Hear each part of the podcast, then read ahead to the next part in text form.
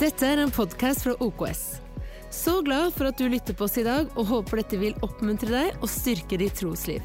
Nyt budskapet sammen med oss. Eh, For en måneds tid siden dere, så ble det ganske mye bråk i Norge fordi at Märtha Louise hun kom hjem eh, med ny kjæreste og eh, sjaman Durek.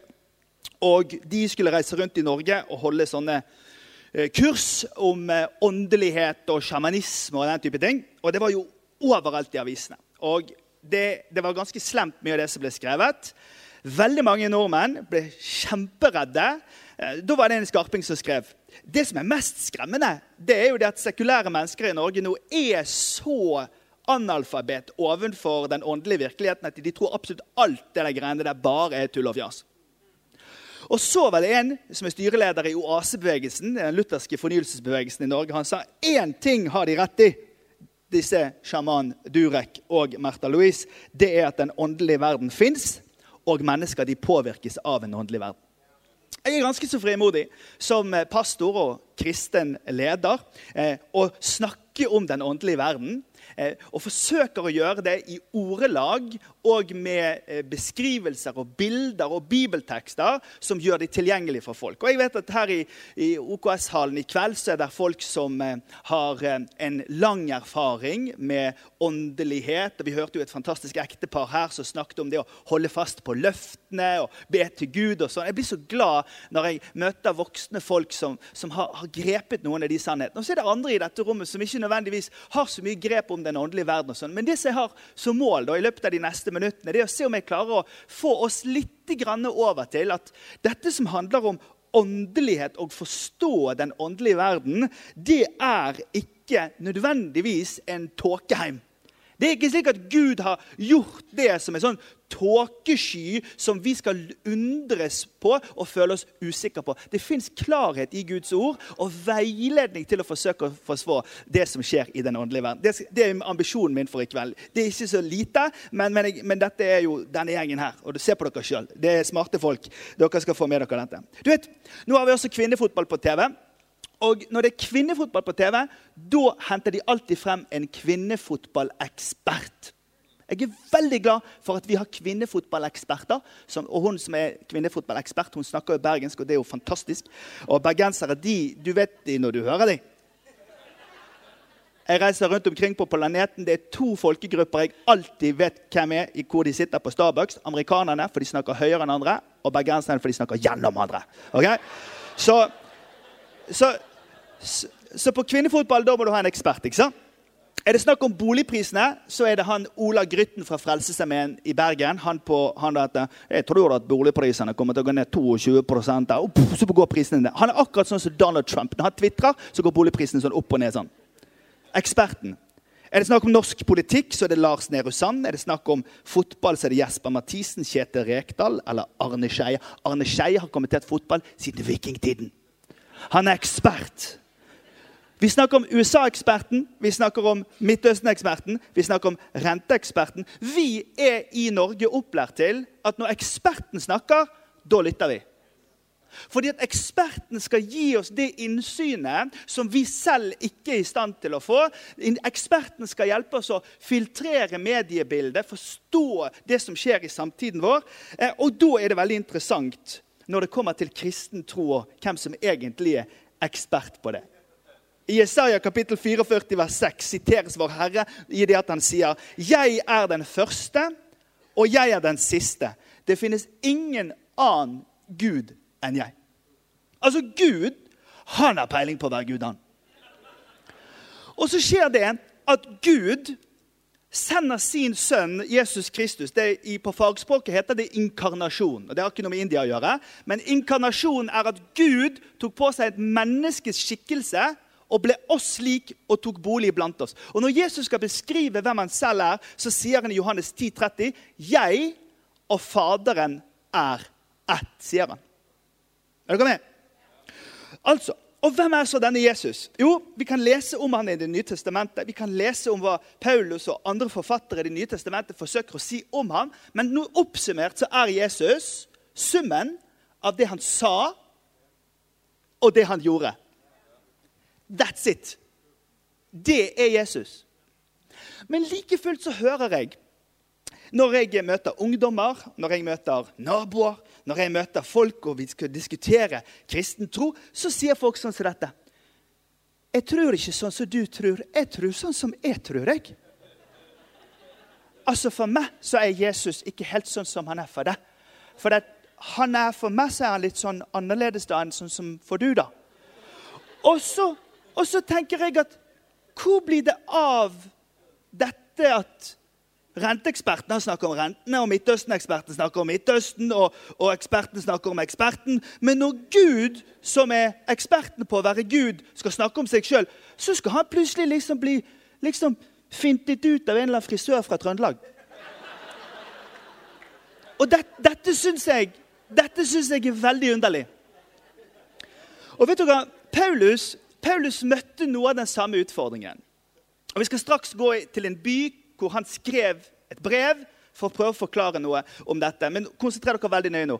I gresk argumentasjon så er det slik at eh, man skjønner bare det som er likt. Det er et sånt prinsipp i gresk logikk. Altså Man skjønner bare det som er likt. Altså likt skjønner likt. Fordi det er jo slik at det, Forrige søndag så, så hadde jeg bryllupsdag. 23 års bryllupsdag. Ja, ja, ikke, ikke juble for raskt, fordi jeg reiste om morgenen. Eh, jeg hadde fått beskjed om at jeg skulle gjøre en vielse. Det var ingen som sa at jeg skulle gjøre den i Grorud kirke. Så jeg var her borte nede i bakken her og hadde en vielse eh, på min bryllupsdag. Så kom jeg hjem og så gikk jeg en 30-årsdag. Og klokken halv ti på kvelden så sa han skal ikke du gratulere meg. Og jeg reiste meg opp og sa ærede madam, gratulerer. Det er en stor bragd for deg, dette. Men etter 23 år er det fortsatt slik at min kone er ekspert på å være seg selv. Og hvis jeg forsøker å si hva hun føler eller tenker, så blir det månelyst på Vestlandet.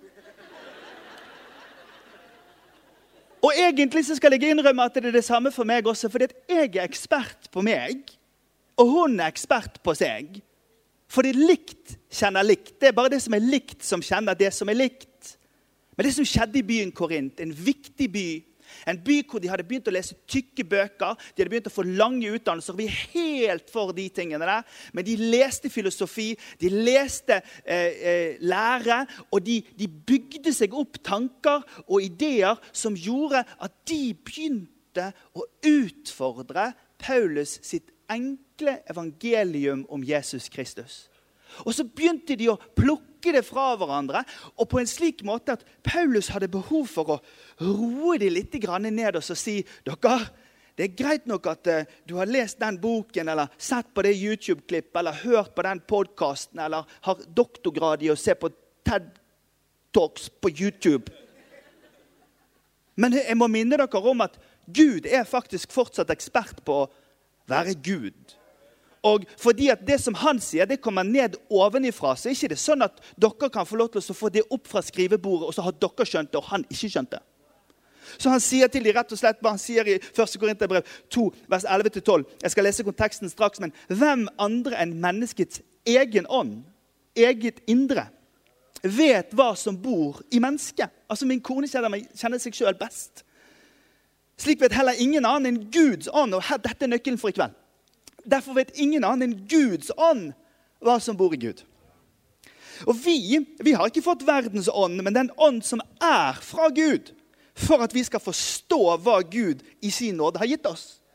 Og Nå blir det viktig at vi husker at Gud er én, men samtidig er han tre. Og fordi at han er én og samtidig tre, Fader, Sønn og Ånd, så gir han av sin hellige ånd til oss. Altså det som er likt i Gud, det blir likt i oss ved at Den hellige ånd tar bolig i oss. Og fordi han bor her, så kan vi kjenne han som bor der. Og dette trenger Paulus å få gjennom til menigheten i Korint. Og dette trenger vi å snakke litt om i Norge i dag også. Fordi at å forsøke å snakke med noen som har gått 13 år på skole og lært at Gud egentlig ikke fins, om kristen tro og høre hvordan tro på julenissen og det der enkle folk fra, fra nederst i Setesdal som holder på med det der, og hva dere holder på med. Vi har jo skjønt mer. Det er akkurat som om det i Norge i dag også bare kokes opp en sånn idé om at det som er verdt å vite, det kommer herfra. Og Da må vi kanskje stanse og høre at det som Paulus sier her, det er det at måten vi kan få lov til å kjenne Han som er der, det er når vi tar imot det som kommer derfra. Sist når eh, Thomas var hos oss Ja, du kan få klappe for den. Sist når Thomas var hos oss, så leste han 15, 15 vers etter hverandre. Og det er på grensen av det vi tåler på eh, New Church for a New Generation. Så derfor så skal jeg lese 16 vers nå. Og de av dere som har behov for å når vi kommer ned noen vers nedi her og gå på Facebook og få noen nye venner, og sånn, gjør endelig det. Jeg sier som Åge sa i 1996, liksom, vi skal ta et dypdykk nå, men vi skal komme opp inn på den andre siden. ok? Følg med.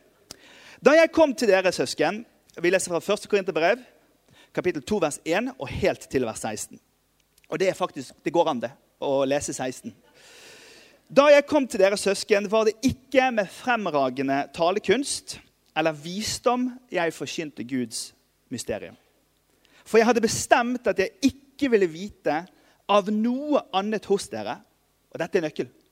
Jeg vil ikke vite av noe annet hos dere enn Jesus Kristus og Han korsfestet.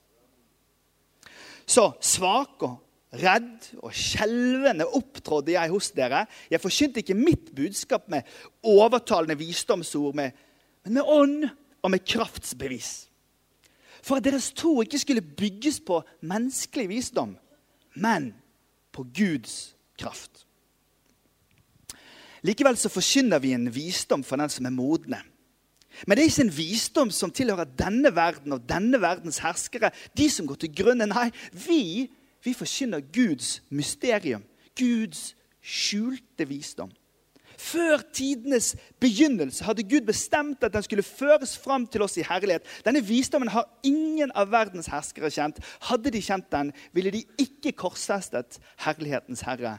Men som det står skrevet Det er intet øye så, det intet øre hørte. Det som ikke kom opp i noe menneskehjerte, det som Gud har gjort ferdig for dem som elsker ham, det har Gud vist åpenbart for oss ved sin ånd. For ånden utforsker alle ting, også dybdene i Gud. Hvem andre enn menneskets egen ånd vet hva som bor i et menneske? Slik vet heller ingen annen enn Guds ånd hva som bor i Gud. Vi har ikke fått verdens ånd, men den ånd som er fra Gud, for at vi skal forstå hva Gud i sin nåde har gitt oss.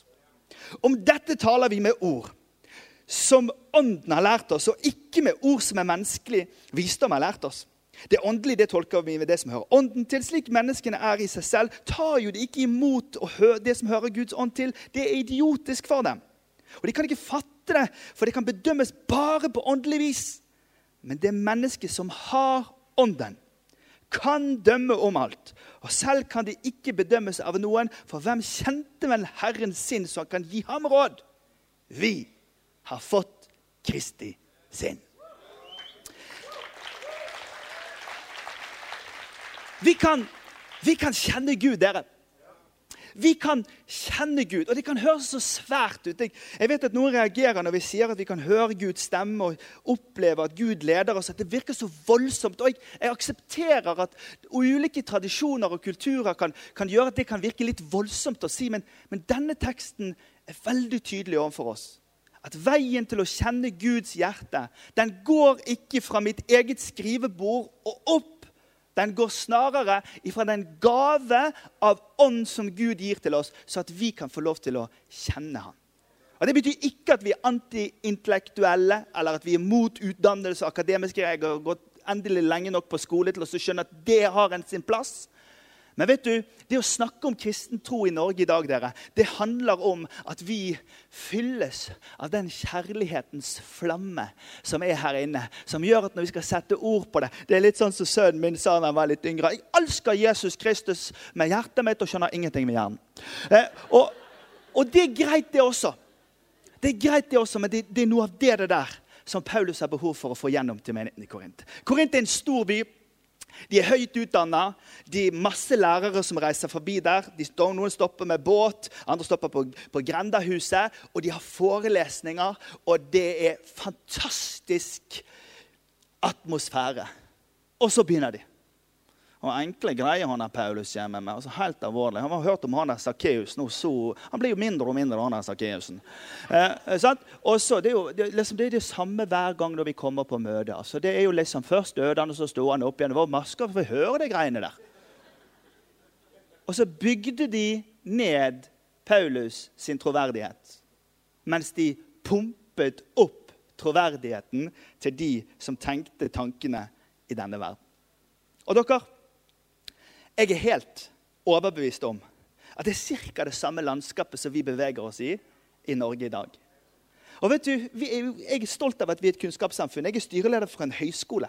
Jeg har mastergrad i teologi, og jeg, jeg leser bøker som bare juling. Det handler ikke om at kunnskap uh, tar oss bort ifra Gud. Nei, nei, nei, det er ikke det det er snakk om. Men det er snakk om den ydmykheten som sier at likt kjenner likt. Altså, Jeg kan ikke bestemme åssen Gud er. Gud er veldig spesialist på å være Gud. Derfor så trenger jeg Hans ånd i meg over leselampen min når jeg skal bli kjent med Gud for den som han er. Og det han gjør da, istedenfor å blåse seg selv opp og peke på seg selv, være et offer for svertekampanjene deres, liksom, eh, så, så sørger Paulus for å gjøre seg sjøl temmelig ubetydelig. Og fordi han har behov for og tydeliggjør at evangeliet, altså de gode nyhetene, i seg selv er det som er levende. Mens de i Korint hadde behov for å løfte opp den, Nå har vi hatt besøk av denne filosofen og denne læreren, og vi tror på denne læresetningen og den type ting. Så trekker Paulus bare plugget ut, ut av det. Så sier han ja, men dette handler jo ikke om å gjøre seg fin. Dette handler jo om at denne fortellingen om at Gud en gang ble menneske og ble hengt opp på et kors og sto opp igjen på den tredje dagen, det er det som er kjernen i vår tro. Og Den kan vi forkynne i slummen i Sao Paulo. Og så kan vi forkynne den i finansdistriktet i Manhattan. Eller teateren eller borte i Hollywood. Og så kan vi forkynne den i Shanghai sine skyskrapermiljøer. Så kan vi forkynne det på tundraen i Russland og i Sibir. For det handler ikke om stæsjet. Det handler om denne fortellingens essens. Nemlig at Jesus Kristus er død og oppstanden, kjernen for vår tro. Og så Ja, er det Amen.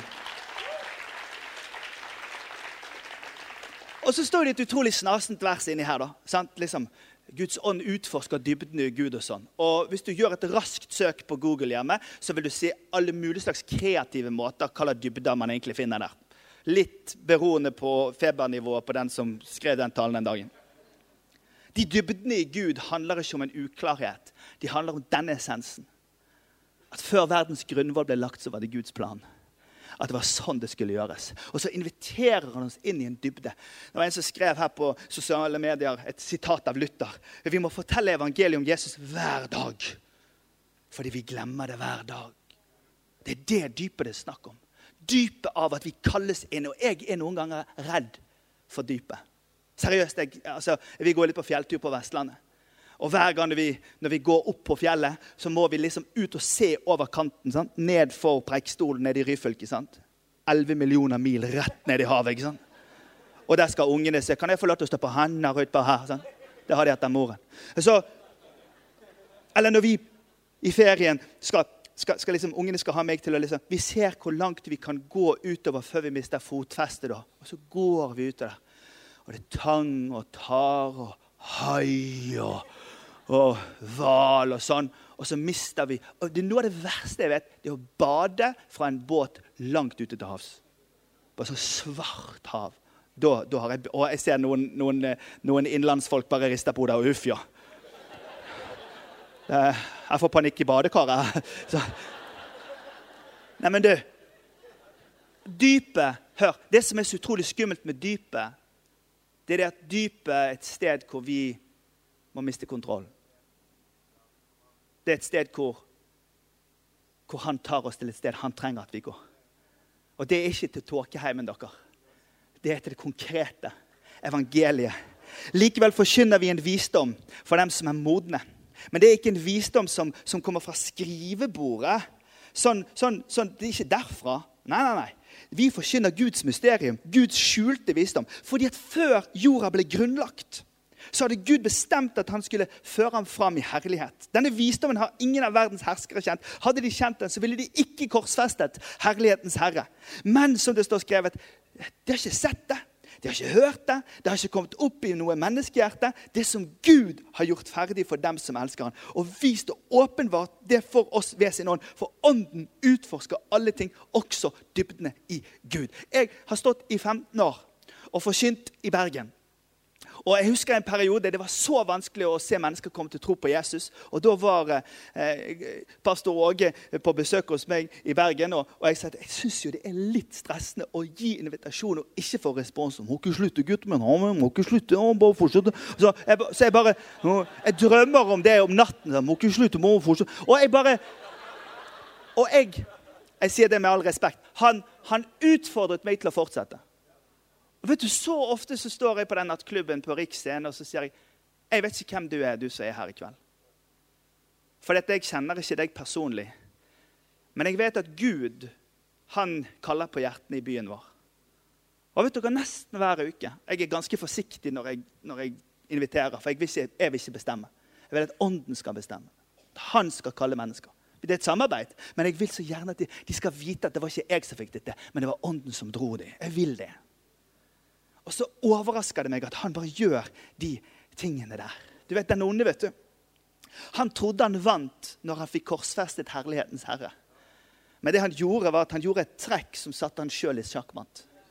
Og etter det sjakkmatt-trekket så har han bare fortsatt med å skremme, bygge inn frykt i folk, eh, få folk til å være urolige, få folk til å være sinna og få oss til å, å, å miste motet. Jeg står foran noe som en kristen leder, som en pastor i Norge, og jeg må minne meg sjøl på hvis det stormer i mediene, sånn som jeg skriver ned i, i boken min Jeg tror på Jesus.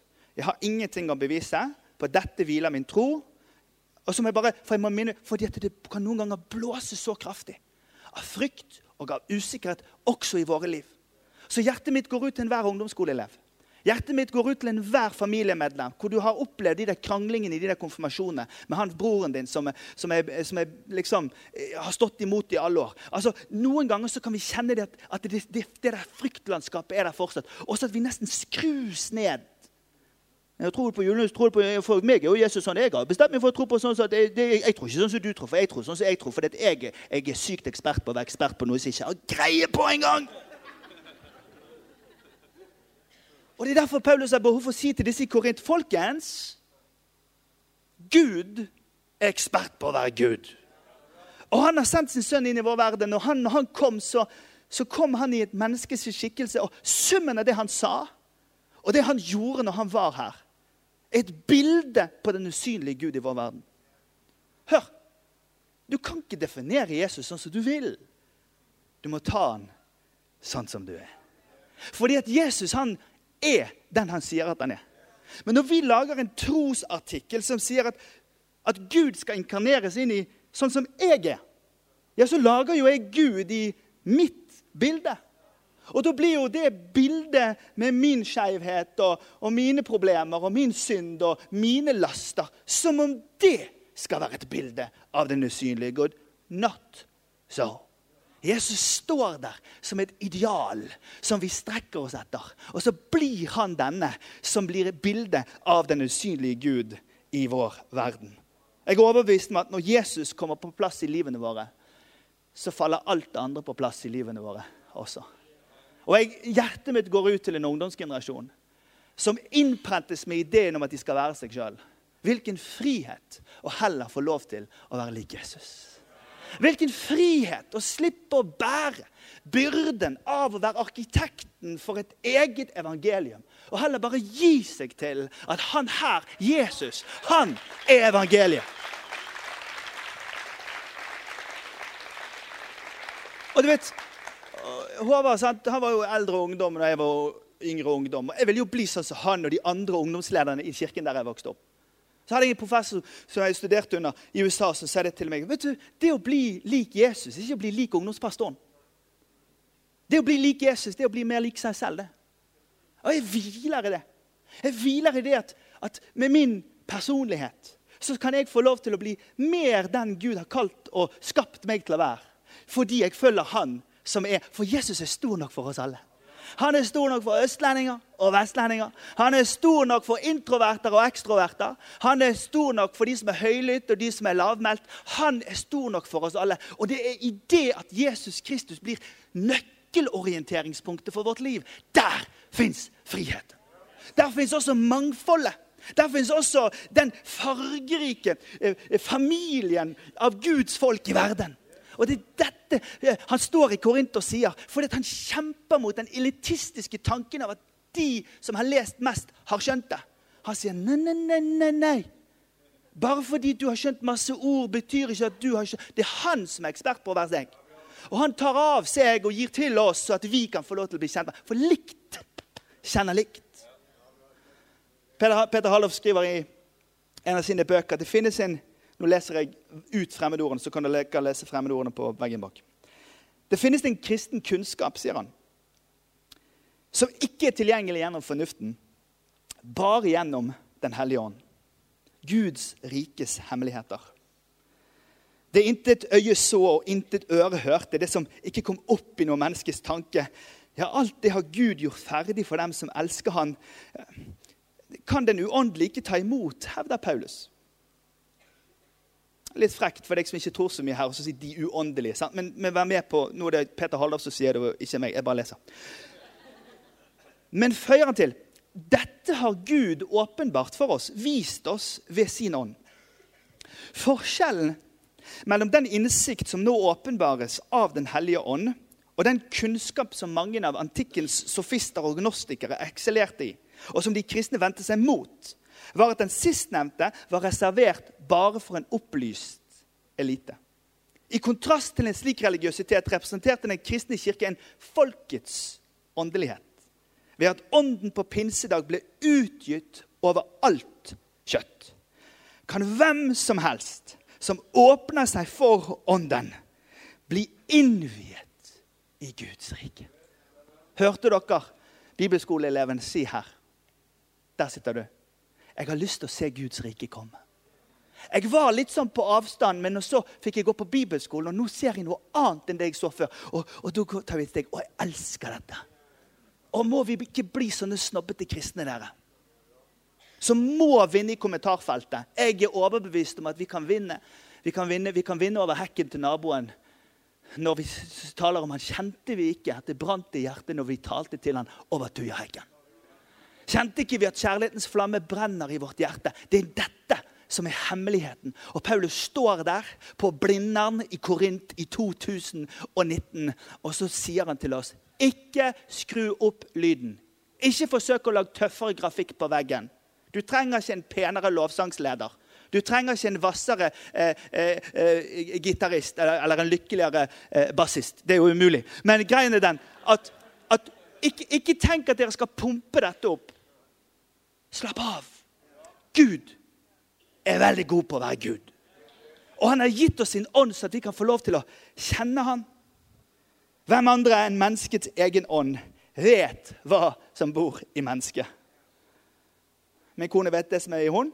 Jeg vet det som er i meg. Kjartan vet det som er i Kjartan. Du vet det som er i deg. Du er ekspert på ditt eget liv. Likeså. Slik vet vel heller ingen annen enn Guds ånd hva som bor i Gud. Men tenk, vi har ikke fått vi har ikke fått en sånn ånd som ikke har den kontakten. Vi har fått en ånd som har den kontakten, står det her. Så at vi kan forstå det som Gud i sin nåde har gitt oss. Og så er det klart, Min yngste sønn sier jeg elsker Jesus med hjertet, men jeg skjønner ikke så mye med hjernen. Han har gått på søndagsskolen hele sitt liv, han. Og jeg møter jo de når de er i troskrise etter noen år på studien. Og jeg møter familiemedlemmer som kjemper og lurer på om dette her holder møter det til og med i mitt eget liv av og til at jeg, at jeg trenger Gud, jeg trenger at du gir meg trygghet for det som jeg tror på. Jeg har en Macintosh. Jeg er blitt sånn eplefan på mine voksne dager. Jeg, jeg, kunne vært mer organisert hadde jeg hatt bedre tid. Så mitt favorittsted på min Macintosh, det er det søkefeltet. Finder. Og hver dag så er jeg oppe i det hjørnet der og så skriver jeg inn mine bønner. vet du. Steve, in the cloud. Svara meg. Redda jobbet. Ja, så skriver jeg. Så skriver jeg inn, og så leter jeg etter dokumenter som, jeg, som, jeg, som har blitt borte. Og gleden er så stor når jeg finner dem.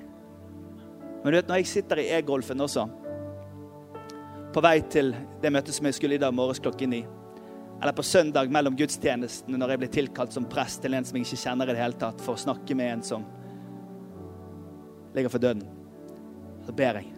Sender deg inn noen sånne ord, noen sånne hemmelige ord, noen sånne bønneord, inn i søkefeltet. Og det er akkurat som om selv om det ikke blir klart for meg, så blir det fred i golfen. Selv om jeg ikke helt vet hva, så vet jeg at. At hans fred bare kommer. Og så fyller han. Og så kan folk idiotforklare til de blir blå i ansiktet. Spotte og erte. Men jeg vet på hvem jeg tror. Jeg vet at det fins en ånd. For det likt kjenner likt. Og han har gitt meg av den ånden, så at jeg skal få lov til å kjenne her inne. Hvem er det av oss som kan veilede og rettlede Gud og gi han råd? Nei, men vi har fått Kristi sinn. Hvilken fred! 14 år. Jeg må være meg sjøl. Karakterene, utseendet og likesene og tingene og alt greiene. Hvilken vekt vi legger på den generasjonen som vokser opp i dag. Evangeliet, verdens beste nyheter. Når orienteringspunktet bare skal være deg, ja, så blir du som narsikus. Druknet i sitt eget speilbilde, oppslukt i seg selv. Jeg gleder meg til den dagen vi tar et oppgjør med det vi holder på med i dette landet. Og nå sier jeg dette på en vennlig måte, men jeg syns vi gjør svære eksperimenter med en generasjon av folk som vokser opp. Hvor vi peker folk til de grader innover i seg selv, mens vi egentlig skulle hjulpet dem å sette litt utenfor seg selv. Fra før verdens grunnvoll ble lagt, så bestemte vår Herre at sønnen skulle slaktes for at han skulle stå opp igjen, så at vi skulle få liv.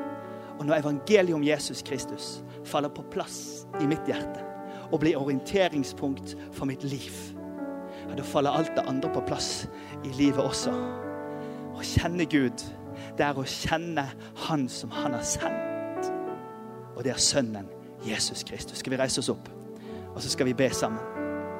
Jeg er så glad for at lovsangene kan komme fram her, og så skal Thomas komme om en liten stund. Men jeg er så glad for at vi har forbedere her i dag. Og hvis dere kan hjelpe meg med en ting, dere som ber for folk Jeg har merket i den siste tiden i, i Bergen at, at vi har trykt litt på dette her med at nå må, vi, nå må ikke vi være redde for, for å gå og bli bedt for. For det skjer noe når vi ber for og med hverandre. Og om du blir bedt for i dag, så kan du være med og be for noen andre på, på smågruppen på onsdag eller kanskje neste søndag. For det, det, det, det er sånn det skal være blant Guds folk. Og du som gjerne ikke er kjent med denne type miljøer, sånn, det er veldig enkelt dette med å be for folk. Så hvis jeg går til Håvard her, så, sånn det ser ut der bak, så hilser man sånn. Hei, og så sier man navnet. Er det noe jeg skal be for, så snakker man om det, og så ber man på en ro. Det er det som skjer der bak. Nå skrur vi, skrur vi av eh, skrur vi av det underlige, og så skrur vi på det helt normale, for det skjer der bak. Gud jobber med oss. Herre, vi priser deg og takker deg for at evangeliet er sant. Og vi takker deg for at det er sant at vi kan kjenne deg. Herre, jeg ber. Jeg ber for Oslo Kristent Senter, jeg ber for Romerikskirken, jeg ber for alle som er på besøk her i kveld. Folk som kommer fra de andre campusene rundt omkring. Folk som er bare innom på et møte, kanskje for første gang på lang, lang tid. Herre, vi sier til deg, vi ønsker at din klarhet skal fylle våre hjerter. Herre, vi ønsker å være sånne åndelige folk i år 2019. Som ikke er underlige og rare og fulle av gåter og mysterier, men som forstår klarheten i evangeliet om Jesus Kristus. Og det faktum at din ånd er her for å gjøre dette klart i våre hjerter. Og Herre, Hvis du akkurat nå gjør det klart i noens hjerter i, i kveld, for første gang i deres liv, eller kanskje for første gang på lang, lang tid, så blir det klart ja, men det er Jesus som må være mitt orienteringspunkt. Takk for at du tok deg tid til å lytte på en av våre podcaster fra OKS. Vår visjon er å bringe Jesus til mennesker i vår verden, og mennesker i vår verden til Jesus. Følg oss ellers på vår YouTube-kanal og sosiale medier. Du er velkommen til å besøke en av våre kirker. For mer informasjon, sjekk ut oks.no.